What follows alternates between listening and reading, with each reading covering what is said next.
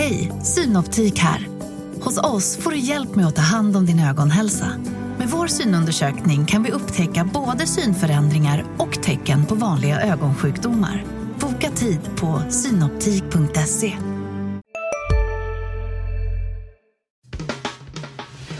Analyspodden från Dagens Industri.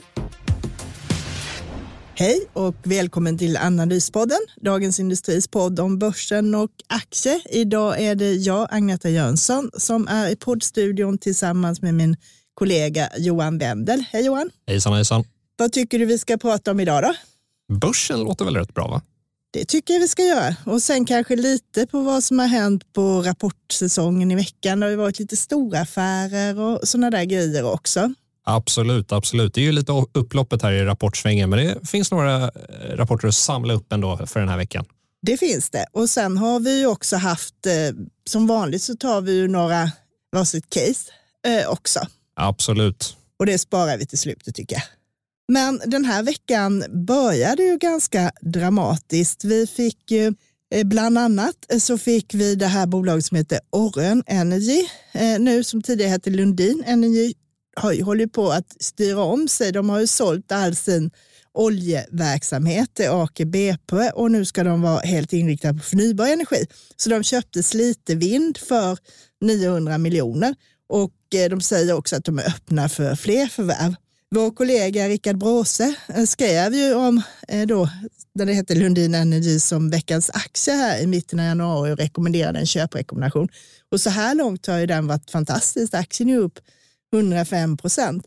Vad mycket det här faktiskt har gått i veckan på det här förvärvet. Det kanske är att man tar ut en del i förskott. Det blev, kom en rapport idag där den åkte tillbaka en 8 procent. Men det visar ju ändå liksom att det är ett jättestort intresse för det här med förnybar energi och de här grejerna.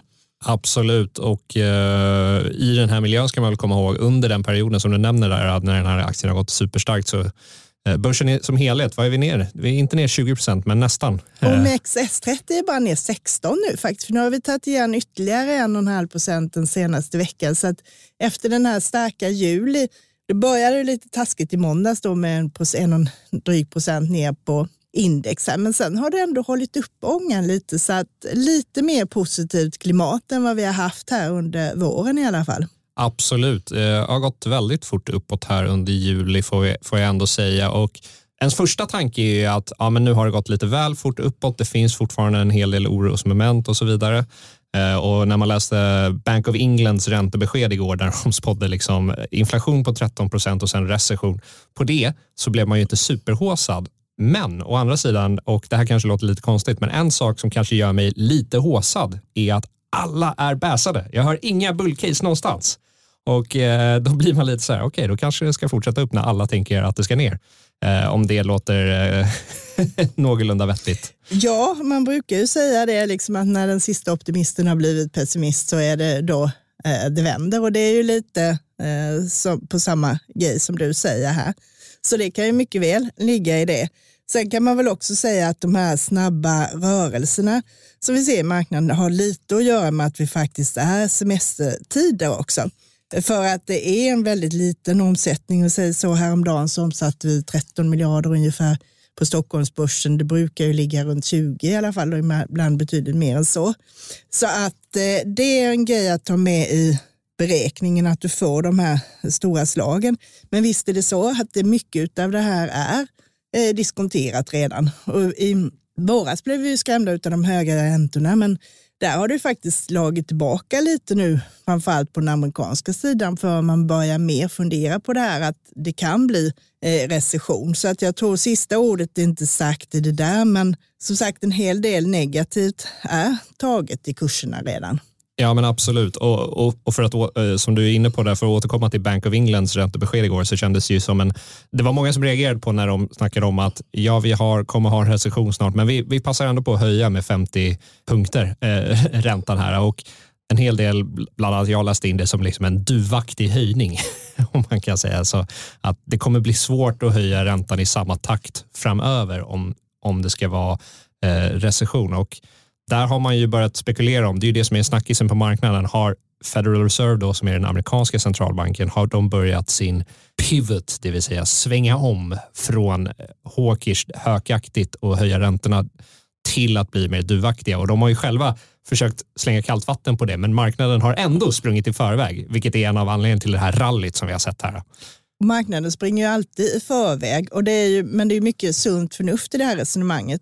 Det är klart man kan få det här jättejobbiga scenariet med stagflation, att du får en inflation samtidigt som då tillväxten faller och det blir allmänt jobbigt. Men mer sannolikt är väl kanske att inflationen börjar komma ner när ekonomin viker och då är det inte motiverat att fortsätta höja räntorna. Jag tror snarare på det här som centralbank att med tanke på hur det har varit de senaste åren så vill man väldigt snabbt nu få upp räntorna för att kunna sänka, för att kunna stötta ekonomierna igen. För att gå in i nästa lågkonjunktur med eh, maximalt expanderade balansräkningar och jättelåg ränta, då har man liksom inte så mycket att göra eh, för att stötta framgent sen. Ja, och om vi tror på lite lätt, alltså jag, jag kollade runt lite på under veckan här, så oljepriset såklart har ju, har ju fallit eh, senaste månaden. Vi har också vetepriset är nere på samma nivå som innan Ukraina-kriget bröt ut. Samma sak med majs eh, har, har gått ner ordentligt. Om man kollar på Federal Reserve har ett sånt här eh, supply chain index som då mäter liksom påfrestningarna på eh, försörjningskedjor och så vidare. Och den var också föll ner i veckan på sin lägsta nivå sedan februari 2021 och det är ju, allt det här är ju ett tecken på att vi går mot en vi får den här eh, allt, allt för höga inflationen kanske är, har toppat nu. Förhoppningsvis får vi ändå säga också för att eh, som du nämner stagflationsscenariot är ju ett mardrömsscenario på alla sätt och vis. Sen blir det ju att eftersom inflation, det är jättesvårt att förespå trendbrott. Det är som alltid är det det svåraste att göra och då blir det att man flyttar efter. Till exempel storbanken SEB har nu kommit ut i veckan här att de tror kanske att den svenska inflationen fortsätter upp mot 10 procent och det är ju att det fortsätter i den här trendriktningen ända till det inte gör det längre så att säga. Absolut. Men vi, ska, det... vi, vi ska dock poängtera att inflation är en laggande indikator. Den är inte framåtblickande. Nej men det är det ju och det är ju också liksom, det är ju så det funkar att andra följer efter för att ser man att det höjs priser i andra branscher, man får högre, högre räkningar från sina egna leverantörer så höjer man själv priserna och så rullar det på och till slut så blir ju konsumenterna trötta på det här och vill gå till chefen och förhandla en högre lön. Eh, och då får du igenom det i hela kedjan och det är där man vill försöka bromsa in det så att det inte kommer ut på arbetsmarknaden. Jag tycker vi, vi, vi tar högre löner, sen kan vi bromsa in det. Sen kan vi bromsa. Okej, okay, jag tycker vi går tillbaka till bolagen här. Det hände ju lite mer grejer på bolagssidan. I tisdags fick vi ytterligare en stor affär. Hissbolag, bygghissbolaget Alimak eh, köpte ett bolag som heter Tractel för nästan lika mycket som sitt eget börsvärde, drygt 5 miljarder. Så det var en riktigt stor affär för dem. Och innan dess hade aktien liksom kom in på börsen 2015 var tillbaka på samma kurs som då. Så den har haft en väldigt trist utveckling. De som hade köpt då har i princip bara haft utdelningen. Sen köpte Latour in sig 2018 och man tillsatte en vd som tidigare var vd för det här Hultafors som de har. Och nu verkar det liksom det börjar hända grejer, att man är på rätt väg. Vår kollega Mikael Olsson skrev om det här i tidningen och det behövs ju räknas på det där, men det känns ändå som det är goda förutsättningar att det här kan bli någonting bra av det. Absolut, och, och det här är inte första gången Alimak gör uh, storförvärv. Så, och, och uh, de tidigare storförvärven har kanske inte blivit superlyckade. Så här hoppas man väl att de har, kanske har lärt sig lite läxor från det. Ja, det kan ju bli lite som man säger, där man säger plattformsförvärv, att man har grejer nu som man kan bygga vidare på och köpa till lite mindre bolag som passar in och får synergier. Och, eh, så det är inget liksom, nytt verksamhetsområde eller så, utan det är ett bolag som passar in. Sen kommer ett av dina bolag som du har koll på med rapport, eh, spelbolaget Paradox. Ja, men precis. Eh, kom i början av veckan här eh, och eh, jag tyckte att det var en bra rapport. Eh, man får komma ihåg att eh, spelbolag, alltså data och tv-spelsbolag har ju generellt sett inte en jättehärlig marknad. Man lider av lite baksmälla efter eh, pandemin och alla dess effekter. Men Paradox, intäkterna upp 14 procent, vinsten var upp över 90 procent och det är ju fantastiska siffror och vinstökningen där är ju liksom ett resultat av många olika saker. De har ju genomfört besparingsprogram, de har ju valutan med sig nu när dollarn har stärkt så mycket och så vidare. Så att, eh, när jag intervjuade Fredrik Wester, då vdn på Paradox, så sa han ju att han var nöjd med det här. Eller han, han sa att han inte var riktigt nöjd med det här, trots att den fina vinstökningen. Och eh, det tycker jag är ett bra tecken för att de behöver hålla den här eh, takten och växla upp kanske för att göra rätt eh, rättfärdiga sin värdering som är rätt hög. De värderas till 30 gånger väntade nästa års vinsten här. Så att det är återigen ett ansträngt läge för Paradox värdering. Det har alltid varit deras stora akilleshäl när de har varit eh, noterade.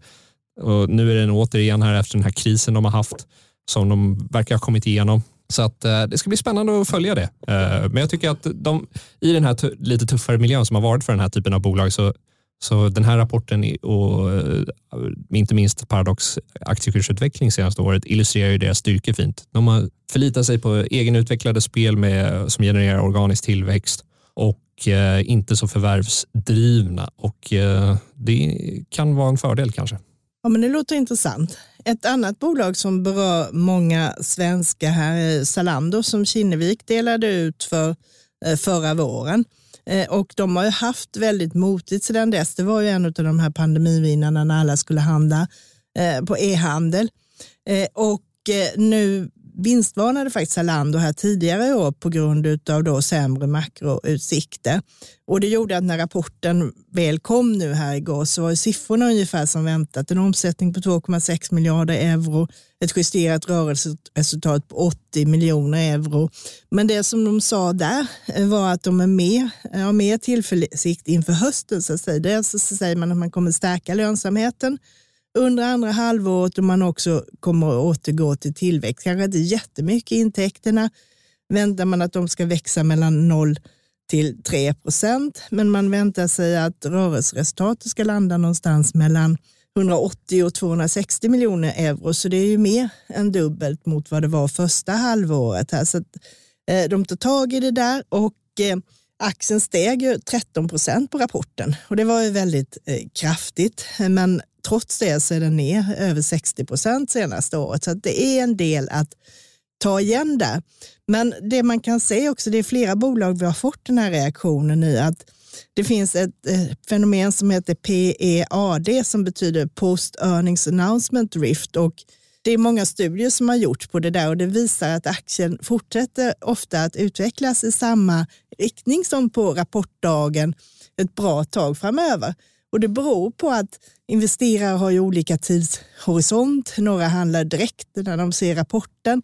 Andra måste hem och räkna på kammaren och sen kommer de långsiktiga. Så, där. så det är en ganska bra grej att kunna eh, agera på. Eh, så att det tycker jag man ska ha lite i åtanke och särskilt de här bolagen som är väldigt tryckta. Eh, sen kan det vara tillfälliga saker, men när man kan se lite, kanske lite trendbrott, man gör rätt saker i bolagen, det börjar vända runt, Eh, så är det en bra signal. Ja, sen, sen blir man ju lite fundersam när de säger att de ska få upp lönsamheten i, i höst och jag, jag, antar att en del av det kommer att vara drivet av prishöjningar såklart för att få upp lönsamheten. Men kommer de kunna få igenom de här prishöjningarna? Jag kan bara utgå från mig själv. De här liksom överskottssparandet, om man får säga så, som man hade under 2020 och till viss del under 2021. De har ju gått upp i rök nu här, eh, med diverse restaurangbesök. Hej, Ulf Kristersson här. På många sätt är det en mörk tid vi lever i. Men nu tar vi ett stort steg för att göra Sverige till en tryggare och säkrare plats. Sverige är nu medlem i Nato. En för alla, alla för en. Har du också valt att bli egen? Då är det viktigt att skaffa en bra företagsförsäkring. Hos oss är alla småföretag stora och inga frågor för små. Swedeas företagsförsäkring är anpassad för mindre företag och täcker även sånt som din hemförsäkring inte täcker. Gå in på swedea.se företag och jämför själv. Karante sommar. Så att eh, jag är i alla fall inte så sugen på att svälja allt för mycket prishöjningar i samma utsträckning som har varit kanske tidigare när man inte har brytt sig lika mycket. Nej, det är ju helt klart en poäng. Sen har de ju lite andra grejer de kan göra. Framförallt så är det ju marknadsföring och sådana här grejer som man lägger pengar på som man kanske kan hålla lite i bromsen. Men det är ju som du säger, det är många av de här tillväxtbolagen som har sagt det länge att om vi vill så kan vi öka lönsamheten men just nu så prioriterar vi att växa. Och det är ju lite upp till bevis att man faktiskt när det är skarpt läge även gör det. Så gäller ju även för eh, Klarna här som har varit inne i den diskussionen här under sommaren. Ja, äh, det blir intressant att följa. Eh, men ska vi gå vidare? Det tycker jag vi gör. Sen kan vi passa på att nämna att idag har inte hänt så mycket. Börsen är upp upp 02 när vi gick in i studion här klockan strax efter tio på fredagen och idag kommer ju då klockan halv tre så kommer ju månadens viktigaste siffra får man väl säga då den amerikanska arbetsmarknadsstatistiken. Och Fed tittar ju väldigt mycket på det där. Det är inte bara inflationen utan det är ju också mycket utvecklingen på arbetsmarknaden. Eh, och eh, för juli så är det väntat att det ska ha skapats 250 000 nya jobb. Det är ungefär i linje med den trend som har varit. Juni var det mer, då var det 372 000. Och man förväntar sig att arbetslösheten ligger kvar på oförändrat 3,6 och det är en väldigt låg nivå. Precis, och man kan väl säga det att i, i USA så är det ju en myndighet som heter NBER som deklarerar om USA är i en recession eller inte. Och NBER står för National Bureau of Economic Research, tror jag det är. Och den, st den största huvudförklaringen till att man inte har deklarerat recessionen i USA, eh, eller ännu, ska jag, kanske är fel ord av mig, men det är ju just den starka arbetsmarknaden. Så när arbetsmarknaden är så här stark säger man ju att då kan, då kan vi inte vara i recession. Så det är ju, av många skäl så håller man utkik efter den här siffran som kommer nu på fredag eftermiddag. Det är ju helt klart och det har ju även finansministern Janet Yellen varit ute och resonerat runt det här att inte hon ser att det är recession fast det rent tekniskt är det eftersom tillväxten har fallit två månader i rad och det här. Ja, äh, spännande i eftermiddag. Ja, ska vi gå in på det här med casen nu? Ja, men det tycker jag vi kan göra. Ska jag börja? Du kan få börja. Ja, men jag, jag kikade i veckan här på, eh, för som vi har inne, varit inne på, det har varit en stark börsutveckling eh, senaste månaden och många av de här bolagen som tidigare var tillväxtälsklingar, började hatas, har nu liksom lite hamnat i favör igen, eh, om man kan säga så. Och ett av de här bolagen som kom, kom en rapport faktiskt i veckan, och det var ju taxibolaget Uber. Och eh, jag måste väl säga att jag tycker att den här uppgången som var på deras rapport var eh, jag blir i alla fall inte taggad på det här bolaget när jag läser eh, den här rapporten, även om de har en fin tillväxt och så vidare. Så när man tittar på det här kassaflödet i det här bolaget så är det ju kast på alla sätt och vis.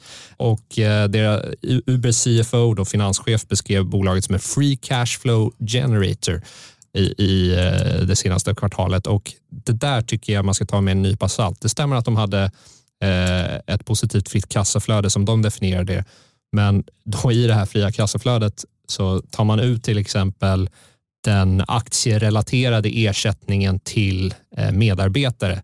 Då ser helt plötsligt det fria kassaflödet inte så bra ut. Eh, de plussar på det i det.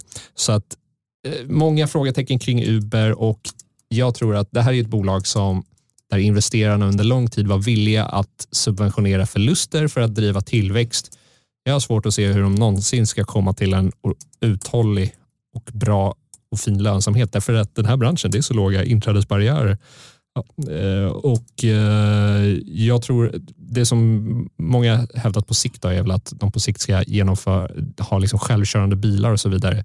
Jag ställer mig skeptisk till det. Jag tror att Uber är dålig affärsmodell och därför en dålig aktie på sikt, även om den har gått upp nu lite igen här. Så eh, därför tycker jag man ska hålla sig borta därifrån.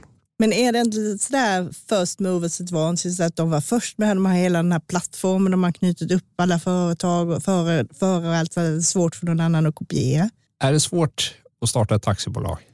inget, är... inget, inget, ont om, inget ont om det, men jag tror att man överskattar liksom för, fördelarna av att vara ett globalt taxibolag. Det här är väldigt lokala marknader. Eh, och det man kan säga erfarenheten från lokala marknader och på hemmaplan här så har ju de vanliga traditionella taxibolagen också haft det ganska svårt att få lönsamhet. Ja, och just som vi var inne på, anledningen till att Uber har kunnat växa är för att det har varit billigare resor. Varför har det varit billigare resor? Jo, för att investerarna har varit villiga med att gå in med kapital och subventionera de här förlusterna. När resorna inte är så billiga längre, då, då liksom då försvinner det övertaget och då tror jag andra kommer fortsätta att ta över. Så det kommer bli, det går inte riktigt ihop. Det går inte riktigt ihop, nej. Ett annat bolag som marknaden tvärtom har varit skeptisk till i många år, det är ju kontanthanteringsbolaget Loomis. Eh, svenska investerare har ju sett det här med, med kontanter. Det är ju ingen som kommer använda kontanter framöver. och Vi betalar bara med kort och swish och sådär. Men i andra länder så är det inte riktigt så. Eh, det är stor eh, användning. Jag tror 70 procent av alla betalningar i euroområdet är fortfarande med kontanter och det är ännu mer i utvecklingsländer och sådant. Så att det här finns och jag tror de har bra att göra med ett bra tag framöver. Det vi har sett i Lommis var att de hade ett ordentligt tapp här under eh, pandemin när de hade en ordentligt fall i tillväxten här. Och nu, sen har man under tiden jobbat också med, precis som deras tidigare moderbolag Securitas, alltså att gå upp i kundernas värdekedja, så att säga, att öka teknikinnehållet, eh, försöka hitta lösningar med högre marginaler och sådant och minska då på personalberoendet och sådant. För den gamla typen av kontanthantering när man kör runt med bilar och plockar upp pengar i butiker och banker och sådant, det är ju väldigt personalintensiv och kostnad eh, och inte så jättehöga marginaler. Man, man har hittat på olika grejer, bland annat har man ett system som heter SafePoint som man installerar i butiker och sådant där man stoppar ner pengarna och det blir som en form av kassaskåp och så räknas det hur mycket dagskassan är varje dag och sen bokförs det på kundens konto och sen plockar Loomis upp de här när det passar dem istället, vilket gör att det är lättare att planera rutter. där. så det är en bra grej som framförallt går väldigt bra i USA och sen har man nu startat ett litet område än så länge som heter Loomis Pay som ska vara en fullständig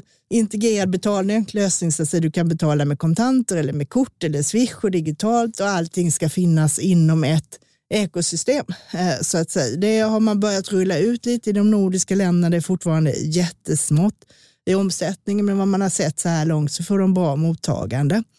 Och det vi såg nu här är att vi fick en riktigt bra vändning. Andra kvartalet 2022 var den bästa försäljningen hittills med 6,2 miljarder. Det var till och med bättre än andra kvartalet 2019 här. Eh, man har fått en rörelsemarginal eller tillväxten var 16 procent jämfört med eh, andra kvartalet förra året och det är också väldigt bra. Du har en rörelsemarginal som ligger på 10 procent nu. Eh, som bäst har de varit på 13,14 och det är just de här investeringarna i Loomis Pay tar ner en del, utan det så hade det varit 10,8. Och eh, man jobbar på att eh, och är på väg åt rätt håll nu igen och du har fortfarande en ganska attraktiv värdering. Eh, det är P-tal på 12 på 2022. Femårssnittet ligger på 12,8. Tittar du på bolagets värdering på skuldfri basis, ev ebita, så ligger det på 9,7 och du har en direktavkastning på 3,8. Aktien har gått mot marknaden i år och är nu upp 16 procent. Och då, däremot så har du på de senaste fem åren varit ganska dåligt. Du har haft en totalavkastning på 6 procent. Så det här har börjat röra på sig nu. De gick på rapporten och eh, man har också fått ett byte på vd-stolen. Patrik Andersson som har varit vd sedan 2016 lämnade här i maj och då tog USA chefen över en eh, man här som heter Aritz Larea eh, som har tidigare varit USA-chef och han har också varit landschef i Spanien. Så att man fortsätter på den inslagna vägen och fortsätter och på den här strategin som man satte för ett par år sedan. Så att eh, jag tycker det är fortsatt köpläge och där borde kunna ha en 2 procent, beroende på hur börsen går här i höst så är det en, dels tror jag en aktie som kommer gå bättre än index och får vi en hygglig börs så kan det finnas en 2 procent utveckling, eller tvåsiffrig procentutveckling här under hösten. Nu rör jag till det för mig här. Så det, jag tycker det är köpläge efter en stark rapport och kan gå bra i höst helt enkelt. Spännande, spännande. Cash might be king alltså. Eller eh, hur? Ska vi blicka vidare mot nästa vecka? Här? Det kan vi göra.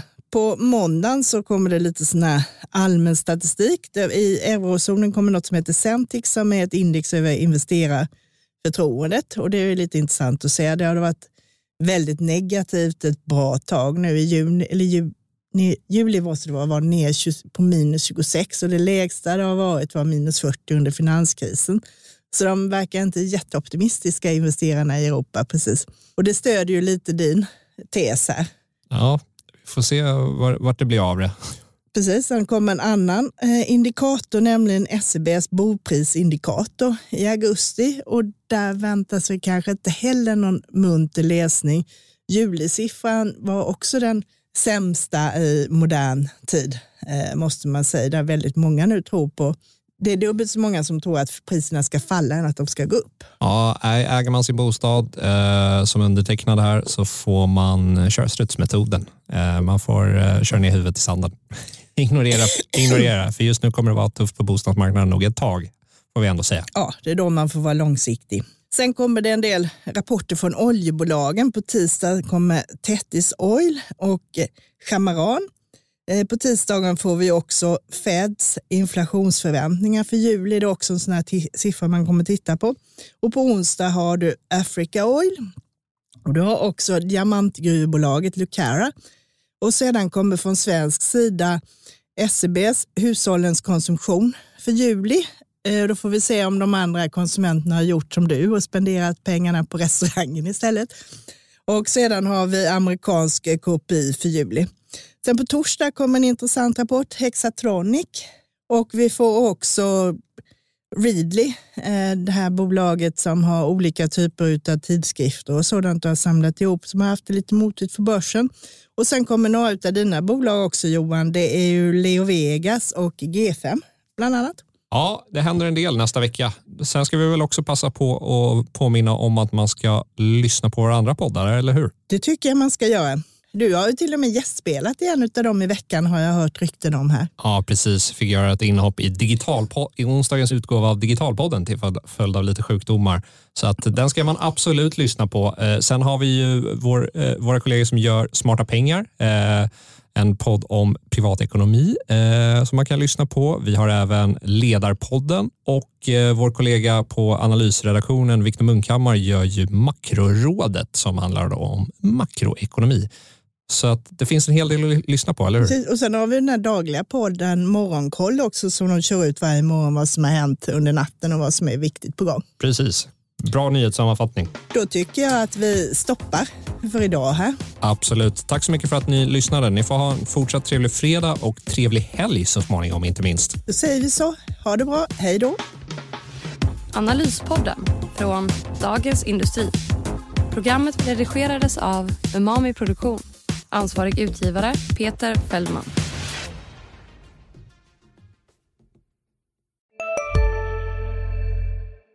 Hej, Susanne Axel här. När du gör som jag och listar dig på en av Krys vårdcentraler får du en fast läkarkontakt som kan din sjukdomshistoria. Du får träffa erfarna specialister, tillgång till lättakuten och så kan du chatta med vårdpersonalen. Så gör ditt viktigaste val idag, listar dig hos Kry. Redo för sportlovets bästa deal? Ta med familjen och njut av en Big Mac, McFeast eller Cooper och Company plus en valfri Happy Meal för bara 100 kronor. Happy Sportlovs deal, bara på McDonalds.